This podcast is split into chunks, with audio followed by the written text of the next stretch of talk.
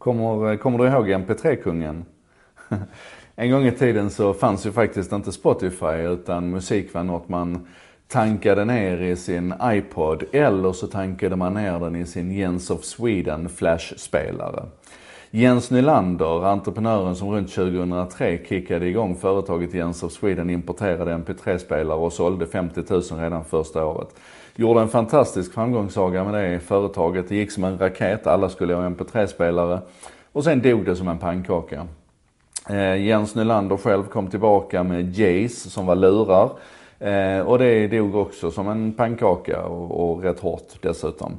Man skulle kunna tro att en sån snubbe blir lite stukad men det blir han inte. Så idag ska vi prata om två saker. Vi ska prata om revansch som drivkraft och vi ska prata om att återanvända gammal teknik. Och bara helt kort om det här med revansch som drivkraft. 2014 så kickade Jens Nylander efter ett par år tystnad igång sitt nya företag som heter Automile som satsar på att hålla koll på företags bilflotta. Att man ska få bättre koll på sina bilar, hur de kör, hur de mår, var de befinner sig någonstans och så vidare. Och det ska vi prata mer om. Men som sagt, bara ett ord om det här med revansch. För jag tycker det är så häftigt med folk som kommer tillbaka. Och skälet till att vi pratar om det just nu, det är att Jens Nylander och hans Automile förra veckan, 19 oktober, det hände för mycket förra veckan, jag hann inte få med allt.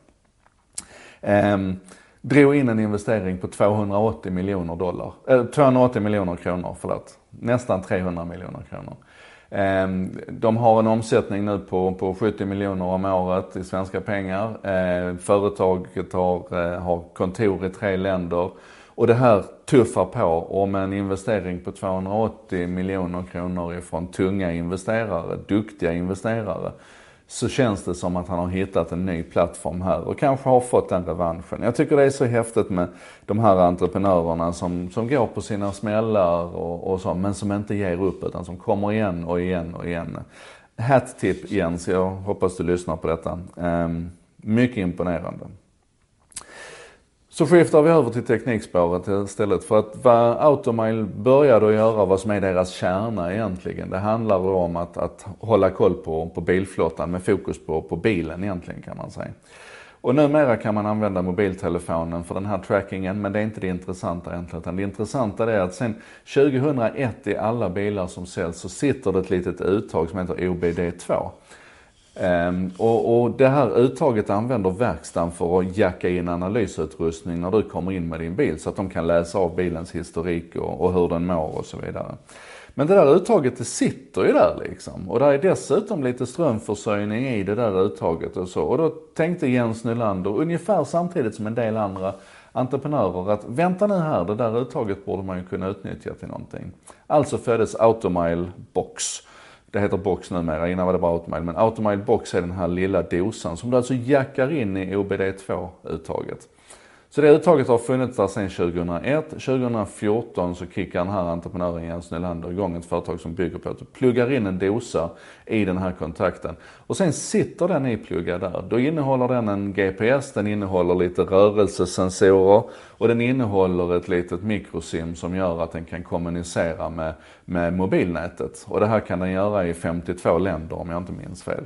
Så du bara jackar i den och så sitter den där och så kickar du igång din applikation. Och I den applikationen sen så kan du se exakt var din bil befinner sig. Du kan se hur fort den kör. Du kan få en lista på alla dina senaste resor. Du kan vilket man nu då jobbar mer och mer med. Du kan checka in i bilen så att det är olika personer, du kan se vem som sitter i den. Du kan, du kan naturligtvis bygga körjournaler runt det här. Du kan göra massor med saker. Du kan sätta geofencing så att om bilen kör in eller ut ur ett visst område så får du notifiering och det finns ett öppet API till det. Ja, ni vet, det här är, det är en häftig funktion.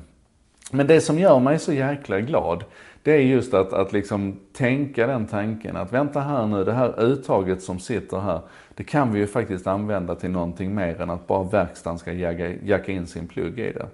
Och det här med att återanvända teknik eller att använda tekniska möjligheter till saker och ting som de inte riktigt var tänkta för från början. Det tror jag att vi behöver klura mer på. Och det behöver inte vara så att det är jättegamla grejer. Jag kan till exempel konstatera, hoppas jag att ni har ätit frukost. Men jag har ju en, en, digital våg som jag ställer mig på varje morgon. Den digitala vågen är superkänslig. Det betyder alltså att om jag väger mig en gång innan jag går på morgontoaletten och en gång efter att jag går på morgontoaletten så kan sjukvården utifrån de här datauppgifterna extrahera information om hur mycket morgontoalett jag har haft. Och det var ju inte det vågen var tänkt för från början, men det är en sån här bonuseffekt, en sidoeffekt som du kan få av tekniken. Och jag tänker vi ska träna lite grann på det, så att idag så ska vi kuta omkring och så ska vi titta på all den här tekniken som vi har runt omkring oss, gammal och ny teknik. Och så ska vi klura på hur skulle vi kunna använda den till någonting som den från början inte var avsedd för? Och vem vet, du är kanske nästa Jens Nylander då och eh, kan se fram emot en investering på 280 miljoner om tre år. Jag håller tummarna för dig.